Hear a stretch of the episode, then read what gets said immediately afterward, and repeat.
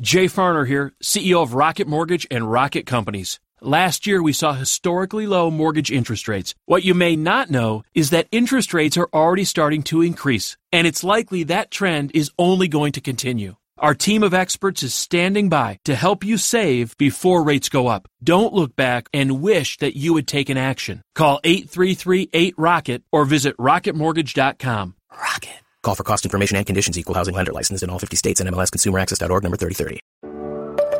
This is what matters most, and I'm Matt Popovits. Look, life is crazier than ever, and lots of people, maybe even you, are feeling anxious and overwhelmed. Today's message is designed to help you figure out what's most important and to experience the peace and joy that God intends for you. Because life is a gift, and it shouldn't be wasted on worry.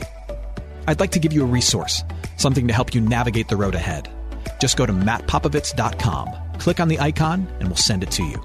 That's Matt, P-O-P-O-V-I-T-S dot com. And hey, if you happen to live in the Houston area, I'd love to see you on a Sunday morning at St. Mark in Spring Branch. Head to stmarkhouston.org to plan your visit. Here's today's message. Thanks for listening. This morning we're continuing a series called Greater Than, and uh, the message, uh, the bottom line uh, of this, this, this teaching this morning is simply this. It's, it's very basic. Jesus is greater than wealth. Jesus is greater than the pursuit of wealth. And what we're going to look at to, to kind of dig that into our souls from Mark chapter 10. And I want us to jump back in there and really just walk through this and understand what's happening here, because this is going to help us understand that Jesus is greater than wealth, than all the things we chase after.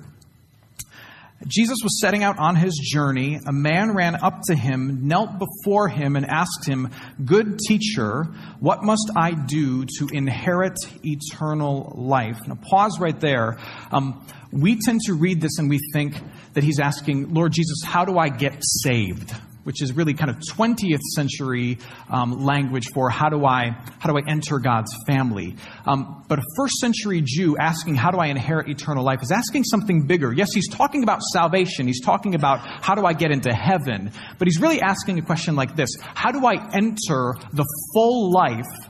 That God has intended for us to live. When He created and crafted all things in the Garden of Eden, He had a design, and that design includes being known by Him and living with Him in eternity. But how do I enter in that, into that full life that He's designed for human beings starting now, today? So it's a bigger question than just going to heaven. It's a question of living the life that God has designed you to live, the blessed life, the good life, according to God's design. How do I enter into that? And Jesus said to him, why do you call me good? No one is good except God alone. The rich young man who comes to Jesus is asking a question that mankind has been asking since the fall of humanity and continues to ask today. How do I enter into the blessed life? And we all want it. In some capacity, we are all wrestling with this question How do I enter into the life that God has designed for you and me to live?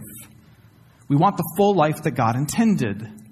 And so the rich young ruler comes up to Jesus. He falls on his knees. You get a sense that he's desperate. He recognizes that Jesus is a rabbi and a teacher, and he says, How do I enter into it? I'm willing to do whatever it takes to make sure that I don't miss the point of my entire existence. How do I live the blessed life according to God's design? It's a common question. And Jesus begins by giving him an odd answer. Jesus doesn't jump to answering his question. Jesus points out that this man called him a good rabbi, which Jesus was. But Jesus looks at him and says, Why do you call me good? No one is good except God. Which seems strange. But what I would offer to you is that Jesus is answering the man's question with that phrase. No one is good except God. Because the young man came up to Jesus and he has a very pointed question How do I inherit eternal life? Jesus' response is No one is good except God. He's giving him a clue to the answer in the very beginning. So just take that phrase from Jesus and put it in your back pocket. And now we'll continue. Picking up at verse 19, Jesus says, Well, you know the commandments. Don't murder, don't commit adultery, don't steal, don't be a liar, don't defraud, honor your mom and dad. And the young man says to him, Teacher, all these I have kept from my youth. Do you think he's really kept all these things perfectly? No, but he has a pretty high view of himself. And Jesus, looking at him, this is key, loved him. We get a sense that Jesus has empathy for this man's self delusion and said to him, You lack one thing. Go and sell all that you have and give it to the poor, and you will have treasure in heaven, and come follow me. Disheartened by the saying, he went away sorrowful, for he had really great possessions. So the rich young man comes to Jesus with the premise that the full life of God, the kingdom, is something that he can enter on his own.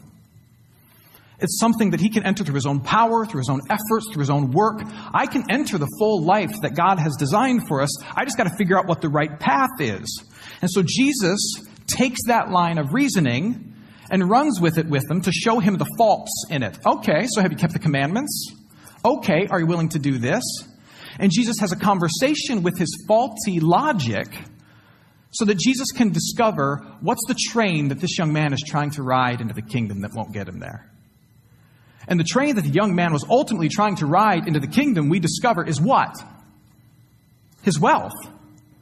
Not only his good works, I've done all that, but apparently he even sees that that's not enough, so he keeps asking the question. And so Jesus finally comes to the issue of the fact that this young man is loaded with money. He's like Donald Trump Jr. You ever seen him on The Apprentice? That kid has it all.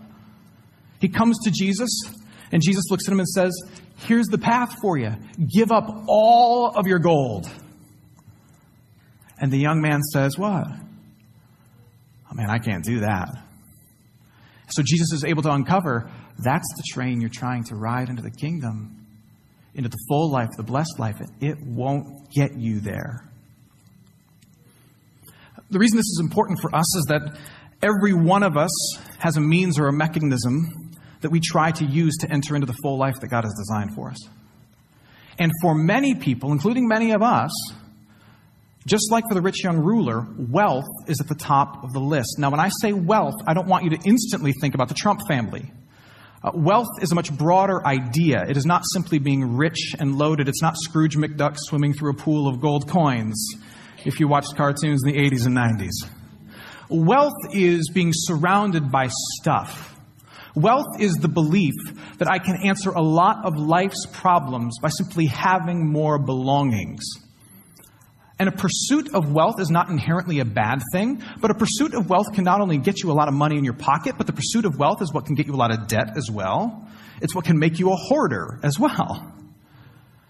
The belief in the end that what defines my goodness and my success as a human being is the things that I have. When we use wealth in this message, that's what we're talking about. It's the accumulation of stuff. The idea that if I have enough things, I'm on the path to the full life. And it's a very tempting thing for us to pursue, like the rich young man, to kind of try and ride that train into the full life that God has promised us, because wealth promises a couple things. Wealth tempts us to believe a couple things. It tempts us to believe the more stuff we have piled around us, the more money we have in our back pockets, or the more potential for financial growth that we have in our future, it tempts us to believe that we will have the affirmation and the assurance that we desperately desire. And nothing in this world, for whatever reason, gives us a sense of personal affirmation and deep assurance like a little money does. And so what Jesus is doing when he wrestles with this young man's logic is he, and he asks him to give away his wealth, to do away with it. Jesus is breaking and deconstructing this worldview to show this young man the faults in that logic. And Jesus is presenting to his disciples and to this young man an attitude and a belief and a truth that says works and wealth will not bring the blessed life. And this is why Jesus then goes on to say, in verse 23, he looks around to his disciples how difficult it will be for those who have wealth to enter the kingdom of God. And the disciples were amazed at his words. Here's why the disciples were amazed at the words of Jesus. This was a hugely radical idea. In the first century world, among the Jewish people, there was an accepted belief that money and stuff and possessions was confirmation of God's favor. But to all of this, Jesus says no. There is no correlation between possessions and the kingdom life, period. Besides, when you believe that there is, the focus tends to be on my goodness rather than whose? God's. You see, if it's true that there's any correlation between wealth and the blessing of God, then if I have stuff, then God sees something awesome in me and He has a reason to give it to me. And if I have things to leverage to build up my standing before God, it's about my goodness before God and not about God's activity towards me. It's about my goodness and my ability, which is why Jesus says to the young man in the very beginning, What? No one is good but God alone. Now, um, some will listen to this and um, um, the have nots kind of love a message like this up until this point because they start to think, oh, that's right. Jesus loves poor people more than rich people. No. Remember, Jesus is saying that wealth and possessions has nothing to do with how he sees you. Period. And Jesus is not saying that stuff is bad or that being rich is wrong. He's simply telling you that you can't get the full life of God by piling up stuff around you. In fact, if anything, he's saying this that the stuff you have in your life brings as many obstacles for you in the kingdom of God as opportunity for you. And if there's part of you that's thinking, well, that's a good thing, I've got no wealth, think again. Let's remember our context. First of all, we all have something. Second of all, by virtue of being in this country and in this room and in this city, we are among, no matter who you are, the wealthiest people in the world. 14% of the US, um, 14% rather, of the world's population has no access to clean drinking water. We do. 70% of the world has no access to cell phone usage or the internet. 70% of the world. Did you know that? Yet we do. If you have a net family income of $34,000 a year, you are part of the richest 1% of the world. We are a wealthy people. We are a wealthy people. And wealth has a strong hold on our hearts it becomes a very tempting idol. And you may push back at that as well and say, well, it's a good thing I don't worship wealth. I don't know about that. I kind of do. Uh, I love Luther's definition of what is an idol. An idol is anything that you trust in with your whole heart. Are there things in your life that when you have them, you believe that God is good? And when you don't, you wonder why he's absent? If there are things in your life that when you have them, God is there, and when you don't, God is mean, then I would argue to you that that thing is your God rather than God being your God. Because if the presence of that object determines his presence, period, then that may just be the thing that you're worshiping. We all wrestle with idolatry. We all do. And wealth and possessions and stuff bring us a ton of peace. And that's why Jesus hammers it over and over again with the rich young ruler, but throughout the Gospels. And then in the New Testament, specifically, Paul hammers it with Timothy. I hope you're enjoying today's message. For more of what matters most, you can head to mattpopovits.com. There you'll find other messages. You can support this ministry as well as access your free gift. Oh, and if you're looking for a local church and you live in Houston, come and see what's happening at St. Mark Houston. To plan your visit, head to stmarkhouston.org.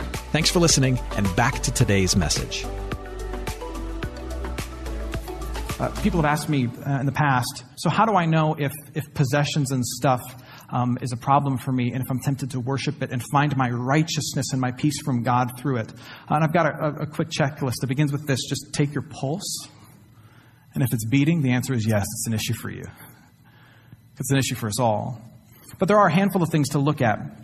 Let me just run through these and see if these, any of these relate to you. Um, how do I know if wealth has an idolatrous hold on my heart?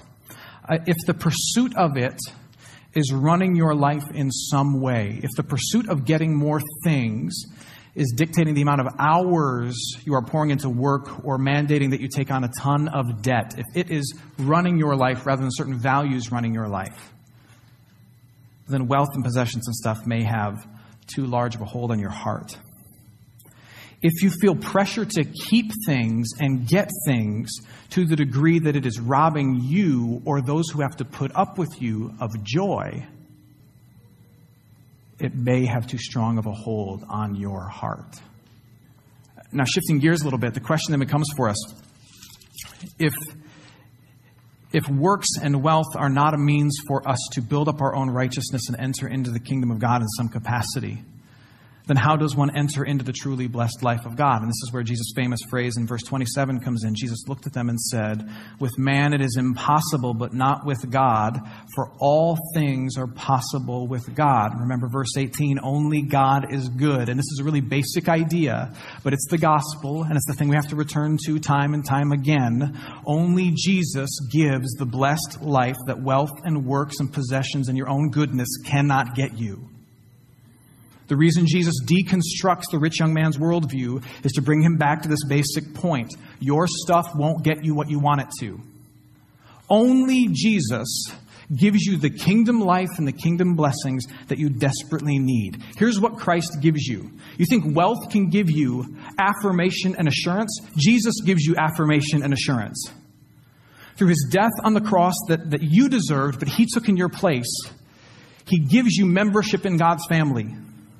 The blood that flowed out of his body and onto the ground flows over you and covers you and forgives you and makes you his own. Money can make you rich. Jesus makes you God's child. Which would you rather have? And you are affirmed in that. Likewise, he gives you a status in God's family that can never, ever be taken away from you. What is put into the hand of Jesus Christ can never, ever be plucked out. You may be tormented, you may be bothered, but you will not be taken from the Father's hand. You want assurance? They can take your money, they can take your clothes, they can take your house, but they cannot take Jesus from you. That's assurance. When you come to faith in Jesus, you get your eyes opened to all that you are blessed with and you get a freedom from the slavery to stuff because there's no kind of slavery like slavery to stuff because you have it, you got to work to have you got to work to have it, and you got to work to keep it.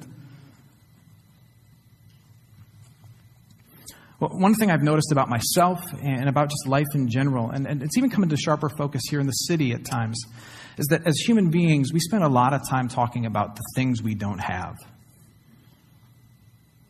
Uh, maybe that's only true for me. I spend a lot of time talking about the things I don't have. And yet, let me just remind you of some of the things you do have and can never be taken from you in Jesus Christ. You do not have a lot of money in the bank, but you do have the unending and relentless forgiveness that flows from God. You do not have the biggest house or apartment in the city, but you do have a rightness that you don't deserve, that when God looks at you, he says, Well done, good and faithful servant, even though you haven't built up the greatest castle or kingdom. You may not have the finest clothes or even a car, but you do have the very Spirit of God living inside of you and empowering you and changing you and upholding and sustaining you. And no one in this world has enough money to outchase the giant demon of death that runs us all down, and yet you have a resurrection from the dead guaranteed for you. Innumerable is the list of things you don't have. But equally greater is the list of things in Christ that you do.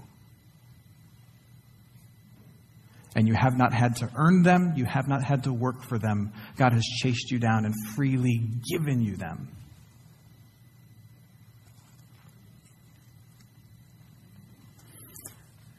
Of all the people in the world who, um, who should have understood this, I think the rich young ruler should have understood this.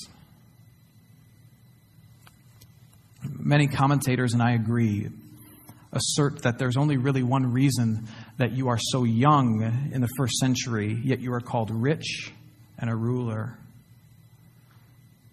Do you think he worked for that wealth and that position at his young age? How did he get it? He inherited it. He did nothing to earn it. By no choosing of his own, he was born into a family that gave him wealth and a title that he didn't deserve. he of all people should understand how the kingdom of God works. Through no choosing of our own, God grabs us and forgives us. And he births us into a kingdom and gives us a title that we cannot own, but desperately need. And it's not about earning at all, it's about inheriting and enjoying. He should have understood this. He wanted to know how to inherit through his own works eternal life.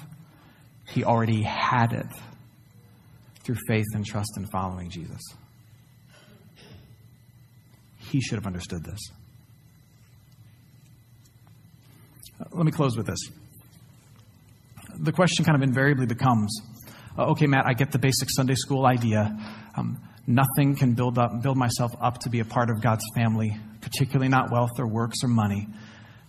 I'm given that gift. I'm a part of his family through grace alone. But how then do I view my wealth and how then do I utilize it? That's a great question. So glad you asked. Um, here's something that, that was once shared with me that I'll share with you. Someone once told me this Matt, you need to cling to Jesus and use your possessions. Cling to Jesus, use your wealth. And I thought, okay, that makes total sense. Um, and it really made sense when they showed me the opposite. Said, here's what most people do they cling to their wealth and they use Jesus. They cling to their wealth for their, their sense of identity, their sense of self righteousness, their sense of accomplishment, their hope, their peace, their joy, and then they use Jesus to try and get more stuff in order to build up their accomplishment, their self righteousness, their hope, their peace, their joy. When money's short, they pray. When a blessing's needed, they cry out, which is fine. But have to understand that ultimately you're clinging to your possessions for joy and you're using Jesus as a means to get more stuff. Flip that around. We cling to Jesus. We rest in the finished work of the cross that is done and complete and given to me as an undeserved gift. We rest in that. That is my hope. That is my joy. I have everything I need through Jesus. And now, now I leverage and use my stuff according to the will of Jesus. There's a difference. When it comes to using your stuff, there's three ways to use your stuff that I see outlined in the scriptures. Use whatever you have, whether you have a lot or a little, to do three things. Use your stuff to bless God, to bless yourself, and to bless others. It's not bad to bless yourself. Jesus gave you that job so that you could pay your bills. Okay, so do that. But first and foremost, we bless God, and we must leave a little over to bless others. With whatever you have, whether you have the widow's mite or Donald Trump's cash, Bless God with it. Give back to Him. Bless yourself. Meet your needs.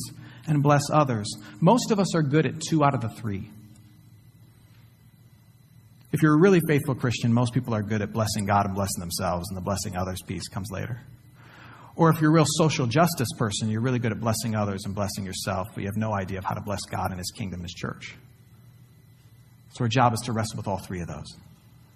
You want to know how to use your wealth after you find your hope in Jesus, bless God, bless yourself, and bless others. That's how.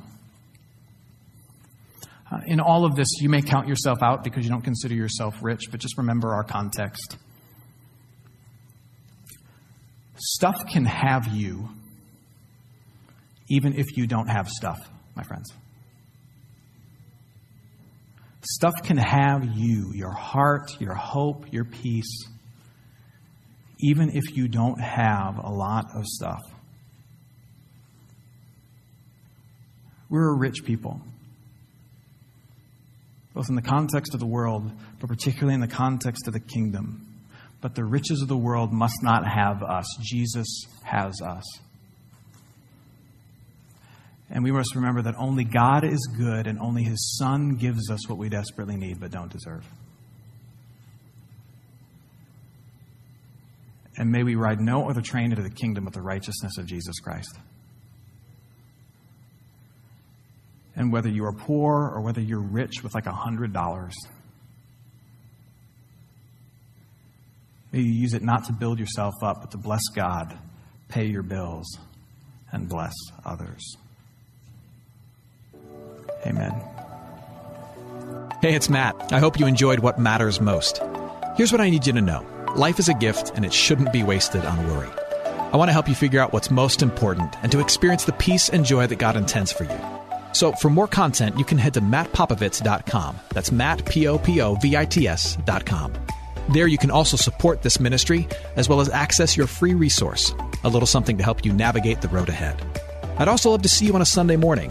If you're in the Houston area, head to stmarkhouston.org to plan your visit. In the meantime, hit me up on Instagram at mpopovits or at facebook.com slash Matt Popovits Ministries. Thanks for listening. Now go and hold tight to what matters most.